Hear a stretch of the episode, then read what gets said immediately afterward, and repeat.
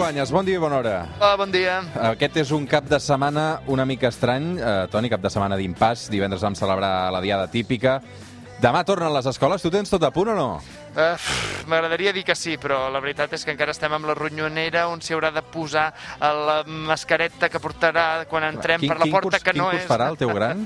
doncs mira, farà primer. Primer. Sí, sí, Clar, primer. També és un canvi per ells, eh? Sí, sí, sí. Per Sis, ell sis, i, mesos, i nosaltres. sis mesos, eh, sense classes. Tot això està tenint un impacte que és eh, enorme. Eh? De fet, gairebé en tot el que fem veiem com lo de la Covid, eh, clar, n'estem parlant, però encara en parlarem. Per tant, escolta'm, avui, si et sembla, et proposo que ens centrem en, en el que seria l'altra gran notícia d'aquests dies. El que no va poder moure la crisi del totxo podria fer-se realitat davant la perspectiva d'una altra crisi, la de la Covid.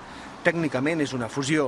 Avui amb el Toni Cruanyes agafem perspectiva sobre la notícia financera, sens dubte, de l'any, la fusió de CaixaBank amb Bankia, Toni. Sí, és que és la creació del que serà el banc més gran d'Espanya. És una transcendència enorme. Estem parlant de 6.700 oficines, 50.000 treballadors, a banda de l'efecte que pot tenir després amb la resta de bancs. Ara ja s'està parlant, en aquestes últimes hores, de possibles altres fusions amb la vista posada al Banc de Sabadell. Pensem que si l'anterior crisi va reduir els bancs d'Espanya de 54 a 12, ara podrien quedar-ne només entre 3 i 5. Déu nhi Avui agafem perspectiva sobre aquests eh, bancs i sobre aquestes caixes al, al nostre país. Per tant, una altra història amb el Cruanyes, parlant sobretot de la història de la Caixa i, per tant, de CaixaBank. Sí, a veure, deixeu-me fer un advertiment. Avui dia CaixaBank és una entitat bancària, sobretot és això, un banc, amb els seus accionistes, els seus clients, les seves hipoteques. L'operació de fusió o absorció de Bankia té tota la seva lògica econòmica i política des d'un punt de vista espanyol i europeu, però en això no hi entrarem, perquè avui sí que recordarem com l'actual gegant de la banca, eh, a mida europea, ja podem dir que la Caixa és un, és un gegant a mida europea, però recordarem com es va fundar, com va créixer a l'entorn d'altres caixes que durant molts anys van formar aquest anomenat sistema català de caixes i que, per tant, a nivell local i nacional, la Caixa era més que una caixa.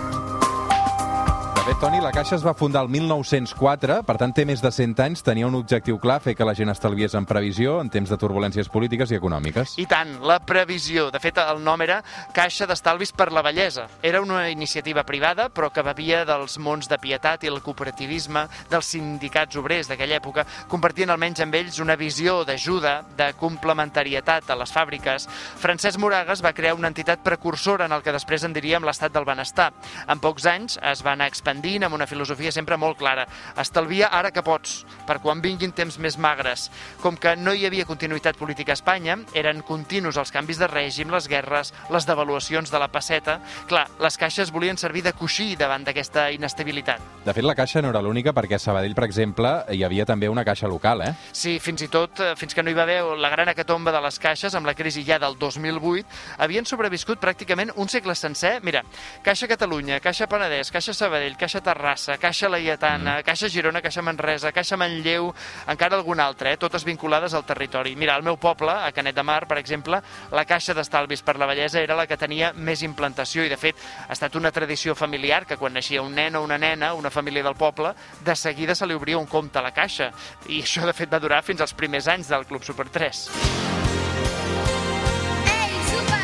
De fet, les caixes van estar presents durant bona part del segle XX en casals, en esplais de gent gran, a clubs esportius locals. Estaven arrelades al territori, patrocinaven també entitats esportives, no? Sí, precisament per això, perquè l'objectiu més important era ajudar al territori propi, hi va haver poques caixes que entenguessin el negoci amb voluntat d'expansió. Però la Caixa de Pensions per la Bellesa sí que va començar a expandir-se molt ràpid. De fet, la primera fusió ja fora de Catalunya va ser el 1930 amb la Caixa Rural per la Federació Catòlico-Agrària d'Eivissa. I després de la Guerra Civil i la postguerra, amb el creixement econòmic, la Caixa encara es va expandir una mica més. Sí, de fet, el 1955 va començar un programa de construcció i venda de pisos i d'apartaments. Són més de 25.000 en aquella època, eh? per tant, la diversificació del negoci també va arribar en ple desarrollismo. La culminació del joc de negocis de la Caixa llavors es va fer ja als anys 70, amb una fornada de nous directius com Josep Vilarassau, Isidre Feiner, Antoni Brufau i Ricard Fornesa.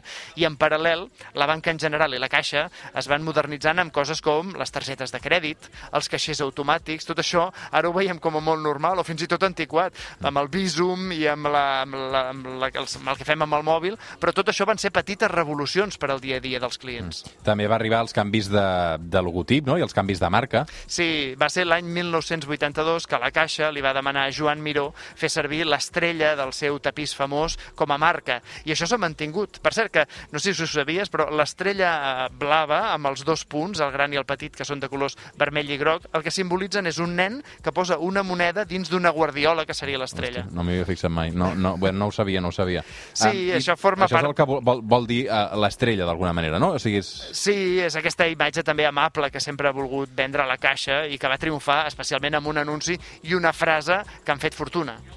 La vida és plena de canvis, d'il·lusions noves, de moments inoblidables. Per això nosaltres... Tu, tu ets l'estrella, no?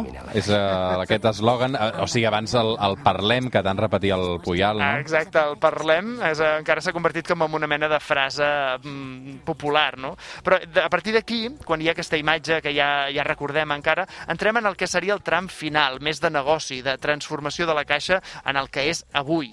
El 1990 es va fusionar amb la Caixa d'Estalvis de Barcelona, es va convertir llavors ja en la tercera entitat bancària d'Espanya en aquells moments, i després vindrien més fusions del sector. Finalment, l'any 2008, un any molt important, amb la crisi que va debilitar la banca a tota Europa, es va escombrar el sistema de caixes català. Ara, amb la política monetària del Banc Central Europeu, que està dictant tipus d'interès a nivell zero, el negoci de la banca com a tal, és a dir, negoci només del banc, també està estancat i perilla davant del que podria ser una gran crisi econòmica a causa del coronavirus. Per això, els bancs espanyols aquest 2020 tornen a estar a punt pel que podria ser un nou joc de fusions i d'absorcions Mm -hmm.